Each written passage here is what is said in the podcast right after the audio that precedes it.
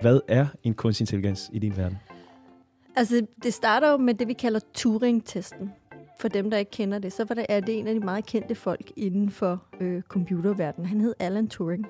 Og han er kendt for, at han reddede faktisk hele Europas røv øh, under 2. verdenskrig. Han var matematiker, men han var lidt speciel, og han var også homoseksuel. Og han var med til at bryde den kode, der hed Enigma. Og det var den kode, som tyskerne havde lavet, for at vi ikke kunne forstå al deres kommunikation. Havde han ikke brugt den sammen med hans hold af matematikere, så, så var vi alle sammen nok tyskere i dag. Så han gjorde en kæmpe forskel.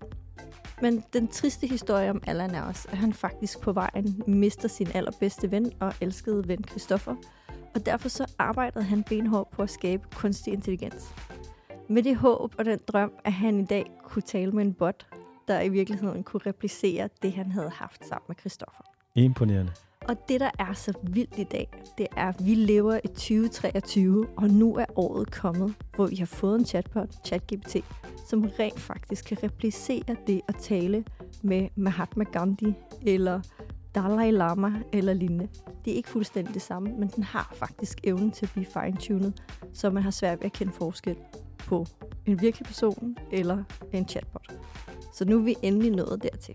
Men ideen har jo hele tiden været, at en maskine skulle kunne replicere den måde, vi tænker eller taler på. Så den test, som Turing kom med, handler om ikke at kunne kende forskel på, om du i virkeligheden interagerer med en maskine eller et menneske. wow, så har vi været stolte i dag, hvis han så det, vi er i gang med at få udviklet. Han, han ville i hvert fald øh, han ville i hvert fald kunne have lavet sin Christoffer-bot. Fantastisk.